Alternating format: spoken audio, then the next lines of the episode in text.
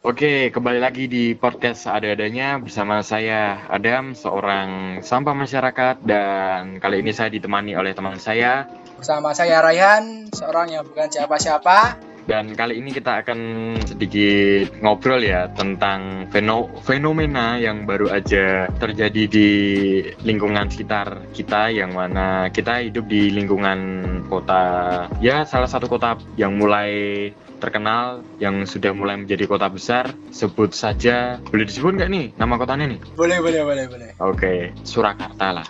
Bagi teman-teman, mungkin teman-teman yang mendengar Surakarta itu mana itu? Surakarta ini lebih terkenal dengan nama kota Solo. Langsung aja keresahan keresahan apa yang kita rasakan pada malam ini Mas Rehan? Ah, aduh, sangat meresahkan. Aduh, gimana ya? Jadi buat ini teman-teman pendengar, sekarang itu entah kenapa lagi bang, lagi musim, musim banget orang-orang itu apa ya namanya? Kayaknya lagi musim cabul gitu loh. Entah kenapa kayak cabul sekarang menjadi goals of the year dan kita sedang ada sebuah apa nih namanya? kasus yang mana bagi warga-warga kancah Surakarta ini menjadi sebuah kasus yang sangat meresahkan. Apa itu? Ya, monggo. Dan kasus kali ini adalah sexual harassment. Tidak habis pikir gitu loh. Kenapa? Di bulan Ramadan yang suci ini ada orang kayak gitu, ya Allah. Dan for your information aja, ini kita dapat notif, eh, bukan notif sih, maksudnya kita tahu kasus ini ke blow up itu ya kurang lebih seminggu ya. Mm-mm. Baru baru masuk seminggu bulan Ramadan tahun 2020 ini. Eh, minggu, minggu awal lah, minggu awal bulan Ramadan. Oke, dalam kesempatan kali ini ya kita nggak akan membahas orangnya karena itu terlalu subjektif. Kita cuma akan membahas tentang sexual harassmentnya gitu. Jadi ini dalam kesempatan kali ini nih agak unik sih. Maksudnya Rehan ini dia akan membicarakan dari sudut pandangnya dan mungkin aku agak kontroversial di mana aku menjadi seorang apa ya namanya ya? Hmm, Sebagai sudut pandang si pelaku. buat teman-teman mungkin lah sudut pandang si pelaku gimana sih? Enggak, maksudnya sudut pandang yang meng- memanusiakan, menghumaniskan kegiatan orangnya ini. Kayak gimana sih? Yuk, langsung to the topic ya kayaknya. Dari tadi udah tahan amarah. Bocah-bocah kodam memang ya tuh gitu. Oke, mulai dari aku ya, Dam. Yuk, eh. Di sini aku kemarin lihat di Instagram dan story WhatsApp tuh Heeh. ada beberapa orang yang ngeblow up kasus ini dan ternyata tuh yang jadi korban nggak cuma satu dua orang Enggak cuma satu dua orang. Oke. ada puluhan mungkin saking sumpah men Gelo, gelo. Oh iya terus terus terus. terus kan kemarin aku di Instagram tuh ada salah satu temanku yang dia tuh juga termasuk sebagai korban dalam kasus ini Hmm. nah terus dia tuh bisa speak up Mhm. karena kebetulan dia di backup kakaknya Hmm. terus si kakak si kakaknya temanku ini dia kayak ngelabrak si pelaku ini Oh, heeh. si anu si pelakunya ini. ya dari situ si temanku ini tuh dia kayak buka di story Instagram tuh kayak- itu loh Oh, yang kayak nge-spill gitu ya? Oh, jadi dia tuh Ah. kan opini-opini dari teman-teman cewek yang mungkin juga salah satu dari korban si pelaku atau mungkin salah satu korban sexual harassment di kasus yang berbeda. Heeh. dalam konteks yang sama. Jadi dia membahas tentang para korban yang terkena Yang sexual pernah- harassment entah itu disadari apa enggak yang mungkin menyebabkan rasa trauma. Mm, kurang nyaman lah intinya ya. kurang nyaman gitu. Dan ternyata banyak ya yang terutama yang jadi korban si cowok ini ya. ya dalam kasus yang ini yang kita bahas ini cukup Hmm. banyak sih Terus itu gimana kronologinya kok bisa terjadi ini? Kan biasanya kalau misalnya dia sebagai pelaku dan dia udah punya banyak korban, modusnya kan sama. Yaitu caranya dia melakukan ini gimana sih? Nah itu dia Dam. Si pelaku Nah. ini punya modus yang cukup aneh sih menurutku Tapi itu ternyata berhasil gitu loh Aku juga bingung. Sebentar, aneh, cringe tapi berhasil. Iya. Dan dia terbukti bisa menaklukkan sekian banyak wanita di Instagram yang cantik-cantik juga. Heeh. metode yang dia gunakan tuh kayak gini. Jadi kan dia tuh random ngirim DM Hmm, random gitu. cantik gitu Tapi yang dia DM itu followernya bukan, maksudnya dari followernya kah atau tiba-tiba orang asing di DM gitu? dia nge-DM orang asing yang dia follow dan awalnya tuh cuma minta follow back Oh, yo ya paham paham paham paham. paham. habis minta follow back dia tuh kayak sok asik sok asik SD gitu loh Nah, sok kenal sok, iya nah. iya gitu terus Nah, terus habis itu dia tuh ada kata-kata yang selalu dia ucapkan yaitu Oh ini kayak ramuan gitu ya ramuan. iya kayak rumus utamanya Rumus. Heeh, Jadi kayak gini. kalau kalau orang Jawa itu bilangnya semar mesem wah kayak gitu. nah Anjir. rumus utamanya dia tuh gini kamu munduran dikit dong Dah. gitu. Terus iya seriusan wah anjir.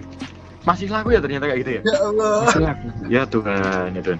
Tapi gini, aku pernah lihat apa ya film apa gitu lupa. Pokoknya salah satu pemerannya itu dia melakukan hal hal yang benar, cuma itu nggak berhasil, it doesn't work. Tapi yang satunya melakukan hal konyol tapi berhasil gitu loh.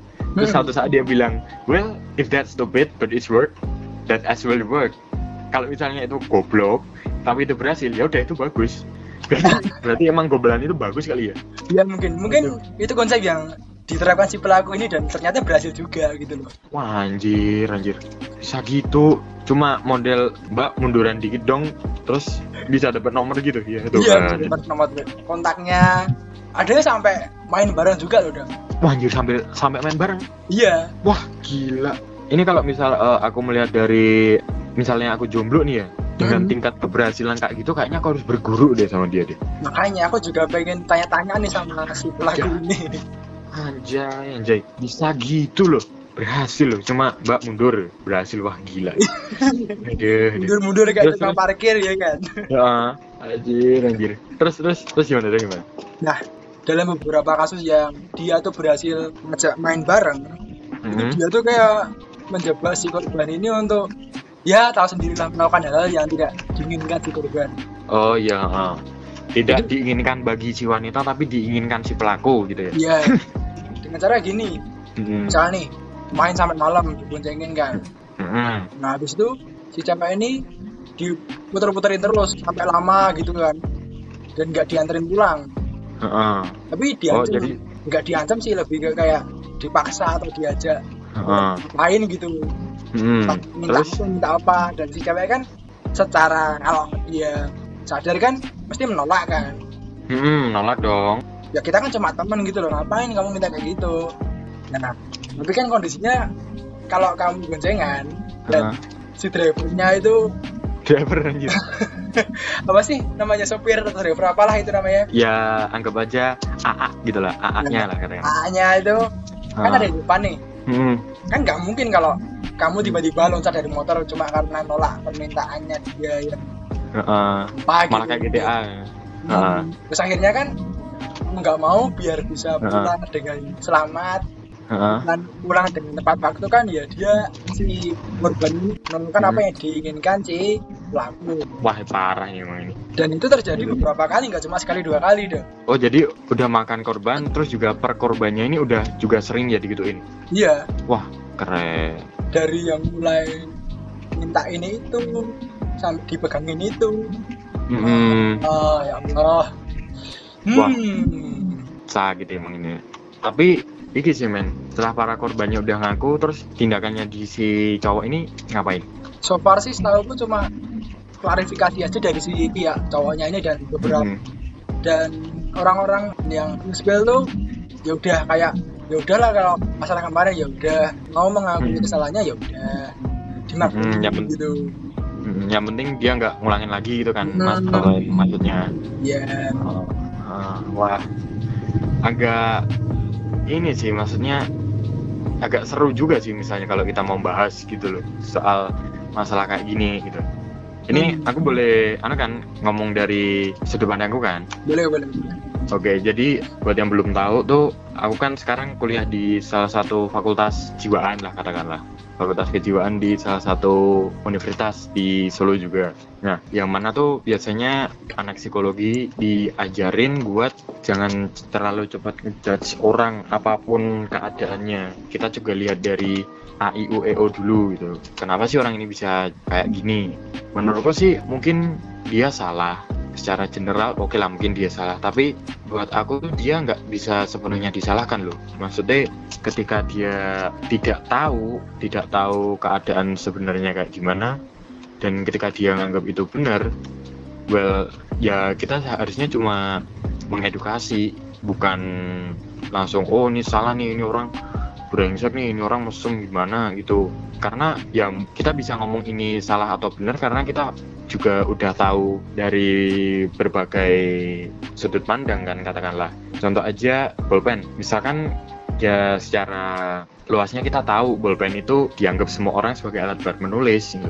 tapi ketika katakanlah Ren dari kecil diajarinnya bolpen itu namanya pensil dan dia taunya cuma itu. Dan apakah kita juga bisa langsung nyalain wah aku salah ki ki ini. Kan enggak juga. Karena memang si Rehan ini kan dari kecil taunya itu pensil bukan bolpen gitu. Kalau aku sih seperti itu. Hmm gitu ya dok. Mm -mm. tapi kan dan apa tapi nih gini kan dia tuh melakukan semua hal-hal itu kan secara Heeh. sadar kan ini. Mm -mm. itu dia bukan dalam keadaan mabuk atau gimana gitu. Mm. nah masa iya sih? Dia nggak tahu mana yang benar mana yang salah Oke, ini pembahasan yang menarik sih tentang sex education ya berarti. hmm. Kalau misal kita udah berbicara hal-hal kayak ini kan udah masuk ke sex education.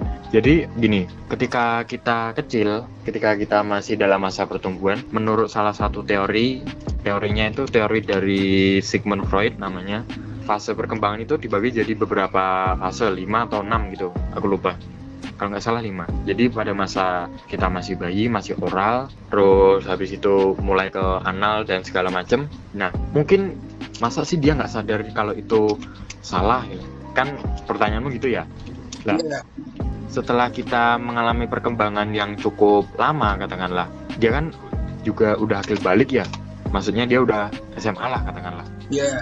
umurnya lah itu ada beberapa kondisi di mana ketika tahap-tahap kita tumbuh itu selalu terekam cukup atau enggaknya. Jadi contoh ketika kita masih bayi kita harusnya mendapatkan ASI yang cukup. Nah ketika kita nggak dapat yang cukup imbasnya nanti apa? Secara nggak sadar kita ke depannya nanti akan menjadi orang yang cerewet kurang lebih seperti itu. Nah di sini korelasinya antara dia sebenarnya mungkin sadar tapi yang ketika dia melakukan itu adalah proses alam bawah sadarnya yang mana setelah fase pertama kedua itu fase ketiga itu di mana dia itu udah mulai kenal lawan jenis. Nah di mana dia udah mulai kenal lawan jenis itu harusnya dia itu tahu oh ini cewek ini cowok.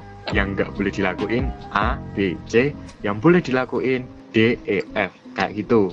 Kalau misalkan dalam masa pertumbuhannya dia dia nggak dapat itu semua dia nggak dapat sex education seperti itu ya dia bakalan biasa aja. Biasa dalam artian aku nggak tahu ini salah apa benar yang penting aku ngelakuin. Itu karena dalam masa pertumbuhannya dia mendapat perlakuan seksual yang kurang. Dan perlakuan seksual yang aku bilang di sini bukan tentang berhubungan seksual ya. Maksudnya ketika aku ngomong seksual itu berkaitan dengan kelamin berkaitan dengan cewek cowok nggak mesti tentang hubungan itu. Jadi mungkin dia tahu tapi dia nggak sadar. Karena teori ini juga udah bener gitu loh Han. teori ini udah kredibel dan dipakai selama bertahun-tahun. Kalau ada orang kelainan oh berarti pada masa pertumbuhannya ada yang salah gitu. Tapi kan gini dok. Mm-mm. ketika dia secara sadar atau enggak dia melakukan sesuatu yang dalam dalam konteks ini tuh mer- merugikan orang lain Heeh. otomatis kan bagi si korban ini kan otomatis jadi trauma tersendiri kan? Mm-mm. dan secara nggak langsung merugikan orang lain ya enggak Heeh, merugikan orang lain. Nah itu menurutmu gimana? Apakah bisa dibenarkan apakah bisa dibina? Gini pada dasarnya orang itu kan makhluk sosial. Nah dalam beberapa aspek sosial ini orang-orang juga punya namanya simpati empati. Nah orang yang udah lengkap dalam artian dia udah aktualisasi dirinya udah tercapai gitulah. Di mana dia tuh bisa bersimpati dan dia juga bisa berempati. Nah yang bertanyaan tadi kan dia itu masuk nggak sadar lah katakanlah udah bikin orang trauma segala macem. Berarti ada gimana ya ngomongnya sih mungkin aja ya mungkin aja secara psikis dia ada kelainan di mana dia itu tidak bersimpati dan tidak berempati. Gitu namanya antipati atau apa gitu aku lupa. Jadi keadaannya ya dia ngelakuin ya udah dia biasa aja gitu. Dan hal ini itu bisa dialami oleh semua orang gitu. Nggak terkecuali kita yang udah sering bersosialisasi udah sering dapat pelajaran suatu ketika kita juga akan dalam masa itu gitu. Contoh aja ya contoh buka puasa. Buka puasa harusnya oh ya ada orang tua nih lagi nyiapin ini segala macem. Ya kita cuma di kamar doang kita nggak bersimpati kita nggak ada inisiatif buat ngelakuin kita nggak ada empati buat ngelakuin itu gitu. Jadi itu sih keadaannya. Mungkin loh ya mungkin. Bisa aja dia mengalami kondisi itu di mana secara nggak sadar dia udah nggak nggak gas orang lagi gitu. Nggak nggak peduli sama orang-orang. Uh, mungkin iki sih yang pengen tak, tak tekankan. Aku tidak membela dia ya. Aku nggak membela dia tapi ada beberapa hal yang dia itu well mungkin dia salah tapi dia nggak sepenuhnya salah gitu loh. Mungkin ya bisa dari lingkungan dia yang kurang mengedukasi dia jadi dia kurang mendapatkan ilmu seperti itu contoh ya contoh oke kalau gitu menurutmu mm -mm. dari sisi si korban sendiri tuh salah nggak sih deh misalnya gini oh mm. si, si pelaku tuh minta pap pap ini itulah hmm. sesuatu hmm. yang gak lazim diminta gitu loh hmm. nah salah nggak sih kalau si korban itu nggak menolak atau salah nggak sih kalau dia itu memberi dan artian di sini dipaksa loh ya hmm. oh salah nggak sih si korban ketika dia ngasih itu kan hmm. nah, menurutku gini 50-50 sih maksudnya dia bisa salah tapi dia nggak sepenuhnya salah. Karena ada sebuah kondisi di mana kadang kita itu merasa takut pada sesuatu sampai kita itu enggan nyari bantuan gitu loh. Biasanya kan ini juga sering terjadi sama teman-teman kita yang perempuan di mana ketika dia mendapatkan perilakuan seperti apa gitu dia takut duluan nih. Dia waduh ini kalau aku nggak anu gimana ya kalau aku nggak gini-gini ntar aku diginiin. Nah biasanya tuh itu yang bikin jadi ya manut-manut aja lah gitu. Dan apakah orang ketika dia mikir kayak gitu salah? Enggak kenapa? Karena gini ada sebuah teori dari satu ahli yang bilang bahwa ketika kita dalam situasi terpepet atau genting lah katakanlah apa yang paling cepat diambil itu yang kita ambil. Contoh misalnya kita lagi di ruangan gelap nih kita di ruangan gelap tahu-tahu ada benda jatuh. Nah kita kan nggak mau mikir hidupin lampunya dulu cari tahu kenapa. Enggak kita cuma oh setan gitu. Begitu juga perumpamaannya dengan si korban ini. Ketika dia takut dia nggak tahu. Dia oke okay, aku harus ngapain ya? Mungkin aku harus cari bantuan mungkin aku harus A B C D segala macem. Yang dia tahu cuma oh ya aku harus ngelakuin ini gitu. Dan apa itu salah salah tapi tidak sepenuhnya salah gitu. Karena setiap orang juga ntar bakalan ngelakuin kesalahan juga gitu.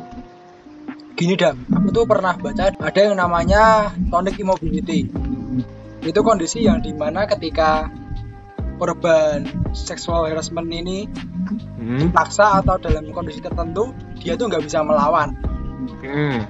nah itu kan di beberapa kasus yang terjadi itu ada beberapa korban yang terjebak dalam kondisi itu. Mm-hmm. Ya emang si tonic mobility ini emang benar adanya dan kondisi itu tidak bisa kita hindari. Benar, nggak bisa dihindari itu. Hmm, soalnya kan itu kan suatu kondisi psikologi kan. Mm-hmm. Terus menurutmu ada nggak sih cara biar mengantisipasi agar teman-teman ini nggak terjebak dalam kondisi itu?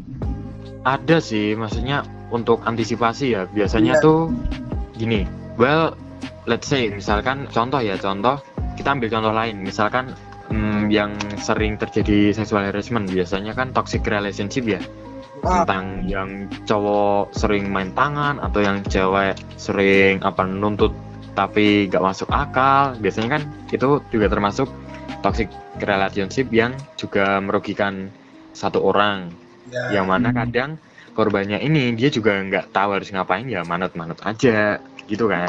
Nah katakanlah kita ambil contoh kayak gitu oke? Ketika kita ambil contoh kayak gitu apa yang harus kita lakukan? Gini kalau misalnya keadaannya si korban ini dia udah tahu oh ini itu kondisi di mana aku itu nggak bisa berkutik aku tuh nggak bisa membela diri tapi si pasanganku ini dia menuntut terus katakanlah kalau misal dia udah tahu lah oh ini tuh kayak gini. Ya dia mulai membatasi hal-hal yang mana itu akan memberi makan nafsu atau ego si pasangannya ini. Contoh kan kalau kita ambil contoh yang tadi si eh, cowok ini tadi dia kan sering minta pap gitu ya ke ceweknya ya? Ya benar. Nah, ketika si cowok ini sering minta kayak gitu, well, ya kita harus berani aja buat katakanlah ngeblok nomornya. Oke, stop, diblokir sampai sini. Diblok, habis itu kita lapor atau ya cerita dulu lah sama siapa gitu. Kita cerita, eh kok aku gini ya, bla bla bla bla bla. Kok aku dapat perlakuan kayak gini, cerita. Itu kalau misalnya dia udah paham. Nah, terus dan kalau misalnya belum tahu, Nah, buat yang belum tahu, sebisa mungkin lah terbuka, terbuka sama orang-orang sekitar. Jangan malu buat tanya, jangan malu buat minta pendapat. Eh, kok aku gini ya? Ini kenapa sih? Kok aku gini ya? Sering-sering cerita gitulah sama temen. Ini kok bisa gini kenapa ya? Oh, itu gini nih.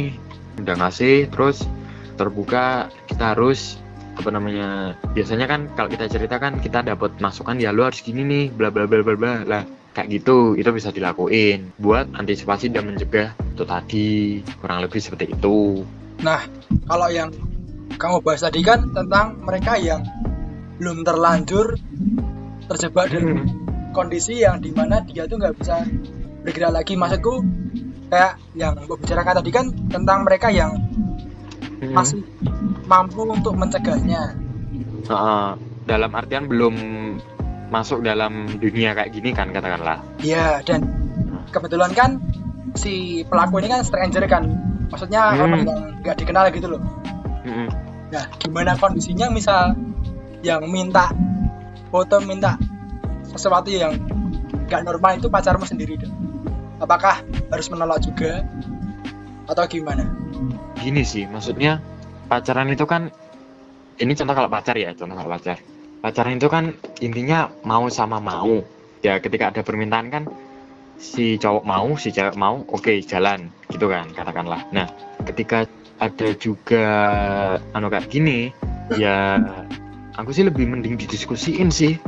Bukannya tahu-tahu nolak tahu-tahu apa gitu. Maksudnya lebih enak itu diomongin lah katakanlah. Lebih enak tuh diselesain secara baik-baik lah. Kamu kenapa sih kok gini?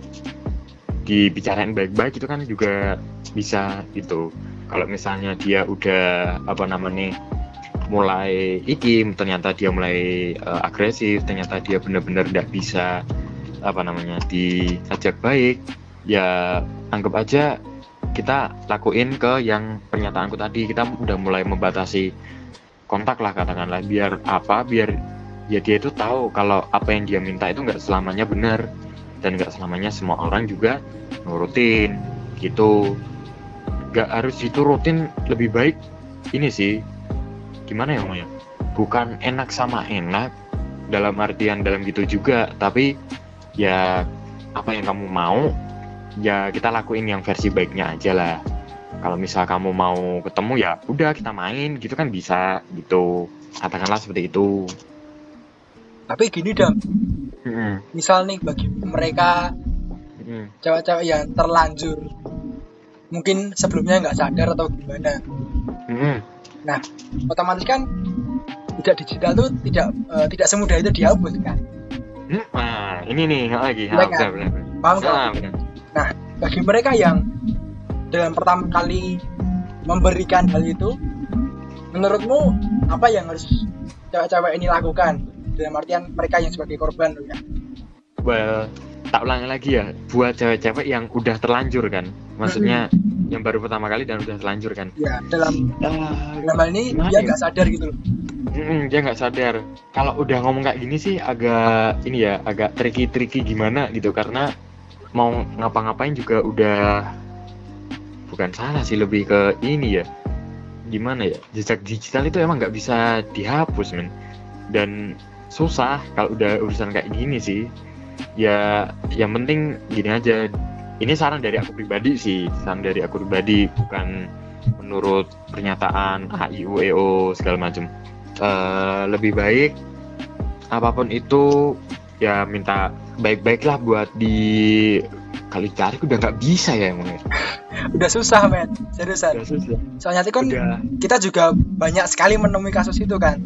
Heeh, bahkan teman-teman kita teman-teman dari kita sendiri gitu loh. Heeh, teman-teman kita juga ada beberapa yang kayak gitu dan Ah, gimana ya? Hmm, susah sih kalau kayak ini sih. Karena kita mau apa namanya mau ngapus udah terekam di mana-mana terus juga udah ini kalau misalnya lu sendiri kok kekem yang ngopo men kalau aku nah misalnya sendiri lah kalau dari sudut pandangku sih apabila awalnya emang aku nggak sadar dan aku memberikan itu Heeh. aku berusaha sebagaimana mungkin biar ke depannya tuh misal minta lagi nggak bakal aku kasih Heeh. entah itu aku udah sadar eh, udah sadar apa belum ya Mm-mm. tapi kan setidaknya misal kemarin-kemarin aku nggak sadar. Heeh. setidaknya hari ini aku udah sadar kalau memang yang kemarin itu salah gitu. Mm-mm. dan aku nganggapnya oh yaudah kemarin aku salah. Karena jejak digital kan tidak bisa dihapus dengan mudah kan. Mm-mm. nah kita biarkan yang lalu biar berlalu aja kita fokus yang ada di depan tapi Mm. ya emang gak semudah itu sih. Nanti tetap teman-teman tuh bakal ngerasain stres depresi mungkin trauma juga soalnya ada ada teman-temanku yang teman-teman cewek nih Mm. yang terjebak dalam kondisi itu di mana mereka tuh awalnya sama pacar sama mantan pacarnya tuh eh, dalam kondisi yang bucin bucin aku saking sayang sama pacarnya ini Heeh. mereka rela melakukan semua hal demi- dia yang dia cintai gitu. Mm-mm. itu kan akhirnya putus juga akhirnya ditinggalin juga Heeh. dan akhirnya ya semua privasi dia kan hilang gitu loh Mm. dia jadi nggak punya privasi lagi Mm-mm. dan akhirnya banyak teman-temanku cewek tuh yang jatuhnya malah stres depresi ngerasa kehilangan temen Mm-mm. padahal kan menurutku kalau misalkan mereka mau cerita ke teman-temannya yang lebih baik mungkin atau teman-teman ceweknya yang lain mungkin Hmm. orang tuanya mungkin ada langkah-langkah yang bisa dilakukan untuk mencegah atau mengantisipasi hal-hal yang tidak diinginkan terjadi apa, dari sudut pandangku sih Mm-mm. Oh gitu. Kalau misalnya kita udah ngomongin ranah yang kayak gini kan, berarti kita udah apa ya namanya ngomong ke ranah yang udah lebih serius ya.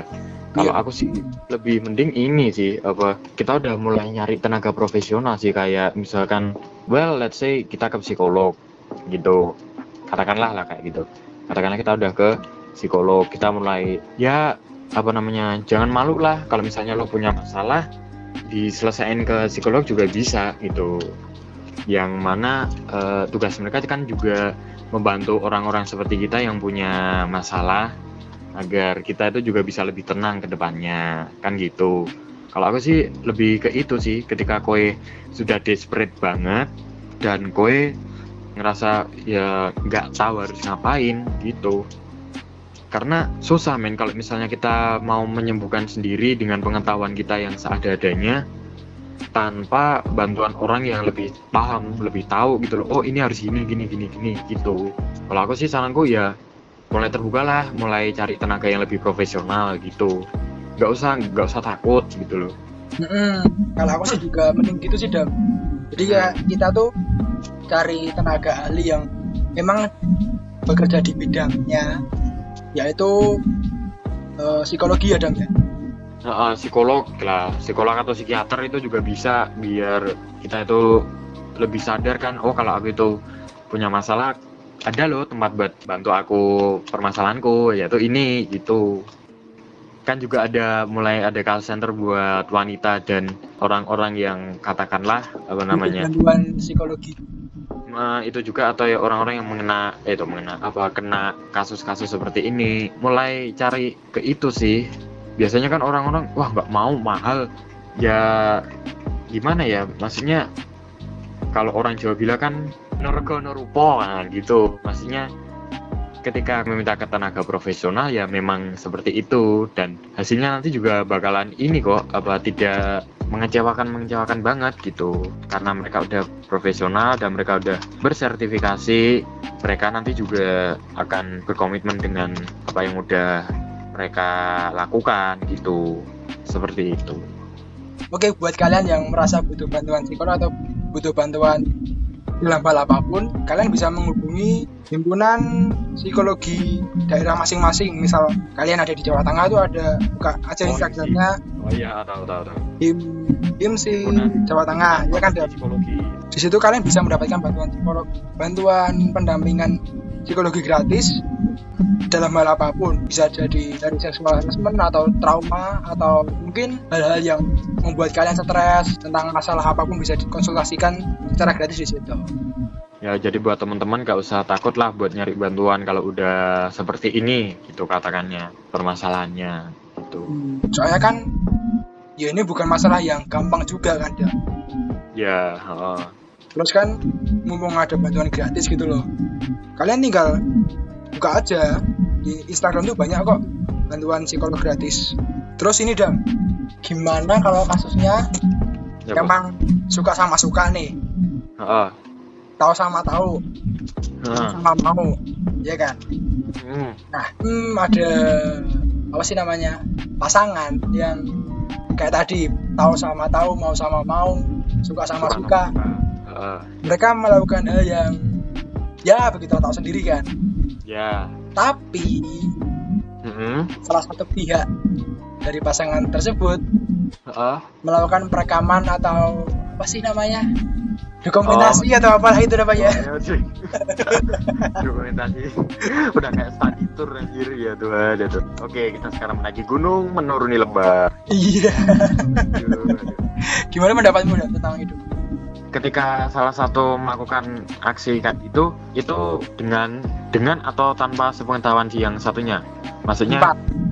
tanpa? Kalau dengan dengan sepengetahuan kan berarti kan ya kembali lagi mau sama mau kan? Heeh.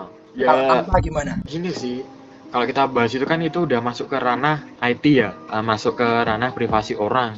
Hmm, oke kita mau sama mau suka sama suka ya intinya kita hayu lah tapi dengan beberapa catatan jangan sampai privasi kita juga terganggu gitu loh. Seterbuka-bukanya kita sama orang lain kita juga harus punya privasi kan gitu. Ya ketika apa namanya kayak gitu well itu udah salah sih dari yang melakukan dokumentasi karena itu udah melanggar privasi orang. Dan misal kalau ada tindak pidananya itu kan ada tuh. Ketika kita mengambil sebuah footage atau rekaman tanpa seizin yang bersangkutan itu kan juga kena pidana. Nah Iya. ketika satunya ini dia merasa perlu melaporkan ya laporkan dengan pasal yang terkait gitu. Dan juga bagi orang-orang yang tahu kasus kayak gini jangan langsung ngejudge oh salahnya sendiri mau gituan. Kita bicara konteks yang berbeda antara ranah seksual tadi dengan ranah privasi. Kalau kita udah bilangnya privasi ya kita jangan membuat korban ini down dengan kita nyalain sisi yang lain. Orang masalahnya itu ada di perekaman. Yang disalahin malah bagian enak-enaknya lah katakanlah. Kan enak-enaknya ini mereka udah suka sama suka sepakat gitulah. Ya itu udah tanggungan pribadi sih. Kita nggak perlu ngungkit-ngungkit itu gitu. Yang perlu kita soroti adalah ya mungkin salah satu pihaknya ini lancang mengambil dokumentasi tanpa seizin yang lain. Itu itu yang harus kita pahami. Jangan dikit-dikit wah salahnya sendiri gini salahnya sendiri. Enggak gitu. Ya berarti kan kita sebagai orang-orang terdekat dari si korban ini seharusnya kita tuh melakukan kayak apa sih mensupport dia gitu kan dan bukan malah kayak menjudge dia seolah dia yang paling salah gitu kan. Mm-mm. soalnya Itu tuh di luar sana tuh sering banget terjadi kayak oh si A tuh habis gitu sama cowoknya nggak mau ah deket-deket sama itu nanti kita ketularan Betul. stigma gimana gitu. Kan sering terjadi stigma di masyarakat yang kayak gitu kan dan Mm, gitu. Dan apa ya stigma yang kayak gitu tuh susah men buat dihilangin serius. Kayak well let's say lah katakanlah kan sering tuh beberapa kasus pornografi yang terjadi di Indonesia tuh masalahnya adalah masalah dokumentasinya nyebar. Nah, kan itu. Nah yang patut disalahkan ini adalah si pelaku yang mana dia mengambil footage tanpa sepengetahuan dan seizin lawan pasangannya. Nah tapi realitanya adalah kita menyalahkan siapa? Si Ya. korban. Nah, salahnya sendiri mau, salahnya sendiri gini. Dan itu bukan hal yang bijak ketika kita lakukan gitu loh. Orang kita bahasnya A, kok malah nyalainnya yang B gitu kan. Kasarannya gitu. Yang mana tidak seharusnya dilakukan lah gitu. Ya paling enggak kita juga support dia. Supportnya gimana? Nggak usah susah-susah dengan cara oke nggak apa-apa kamu punya aku buat tempat cerita atau kalau enggak ya udah diem aja gitu. Nggak usah memperkeruh suasana lah. Kalau kita nggak bisa bantu at least jangan memperkeruh suasana seperti itu. Mm-mm, soalnya kan kalau kita sendiri yang kayak menjauhi si korban atau menjudge si korban itu sendiri kan jadinya malah si korban ini jadi kayak malah depresi kan. Jadi ada trauma tersendiri. Dan nanti timbul masalah baru seperti kayak mungkin self harm diri Ah, bahkan yang paling parah. Hmm, yang paling parah bunuh diri gitu. Dan orang-orang masih apa ya kayak ah bodo amat lah orang dia juga salah. Ya udah dia he deserve that dan itu bukan hal yang bagus untuk kamu lakukan gitu loh. Ya kalau kamu bisa ya udah diem gitulah katakanlah gitu. Dan menurutku orang-orang yang bilang ke korban itu salahmu itu bla bla bla bla bla menurutku loh ya menurutku itu dia lebih kejam daripada si pelaku loh iya men. Soalnya kan dia kan secara tidak langsung kan menyalahkan si korban itu. Padahal dia nggak tahu kondisinya awalnya tuh gimana ya kan? Ya gitu. Lebih ya lebih jahat gitulah kalau misalnya aku boleh- boleh bilang gitulah kalau dari aku sih aku mau pesan aja ya sama teman-teman. Buat para pelaku ya kita bahas dari pelaku dulu ya. Buat para pelaku ya kita juga mikir inilah perasaan dari orang yang kita jadikan target lah kita juga harus pakai hati lah jangan segitu banget lah. Oke lah mungkin kita punya masa lalu yang seperti apa lah mungkin tidak terlalu senang. Tapi bukan berarti kita juga harus melampiaskan itu pada orang biar orang itu tahu gitu. Nggak seharusnya kayak gitu. Nah untuk para korban ya untuk para korban kalian harus kuat. Nggak apa-apa kalau misalkan kalian bingung itu wajar. Yang penting setelah kalian udah teredukasi lah katakanlah kalian udah tahu harus ngapain segera cari pertolongan lakukan apa yang terbaik yang kalian tahu yang kalian bisa supaya ke depannya kalian tidak melakukan hal-hal yang ini apa namanya merugikan diri kalian sendiri gitu. Itu sih dari aku. Buat kamu kan gimana Oke, kalau dari aku sih, aku setuju setuju sama pendapatnya Adam tadi. Buat kalian para pendengar ya, mungkin jadi pelaku, aku mengharapkan ah, semoga kalian cepat sadar ya dan gak usah lah bikin-bikin kayak gitu yang gak penting gitu. Kalau emang mau bikin sesuatu kayak gitu ya, ya udah nggak usah dibikin konten ah kayak nggak bermutu gitu loh. konten-konten gimmick gitu. Dan kalau emang mau enak sama enaknya ya monggo, tapi gak usah bikin sesuatu yang bikin gak Hmm. nyaman pihak lain gitu. Terus buat kalian para korban, semoga lekas sembuh. Dan buat kalian yang masih bingung cari pendampingan, mungkin bisa menenangkan diri terlebih dahulu dan cari informasi tentang hal-hal yang bisa kalian lakukan untuk mungkin berusaha speak up atau langkah yang paling dekat mungkin bisa cerita ke teman dekat kalian atau ke orang tua kalian biar bisa mendapat support lah katakan uh, support buat diri kalian sendiri. Itu sih dari aku. Oh iya, ada tambahan lagi men. Buat kalian para pendengar yang mungkin menjadi teman atau menjadi tempat keluh kesah si korban, jangan terlalu cepat ngejudge ya. Ya mungkin mereka juga punya cerita di balik itu semua. Dan ketika mereka cerita sama teman-teman, berarti artinya teman-teman dipercaya banget sama itu tadi. Itu jangan mengecewakan lah kalau misal mereka butuh bantuan ya kita sebagai teman inisiatif oke kamu butuh bantuan kita bantu gitu itu sih udah oke sekian podcast ada-adanya apabila ada yang salah dari perkataan kami berdua kita mohon maaf dan apabila ada yang positif bisa diambil hikmahnya dan diterapkan ke kehidupan sehari-hari. Akhir kata, saya sampah masyarakat Adam. Dan saya orang yang bukan siapa-siapa, Raihan. Ya, dan inilah podcast seada-adanya.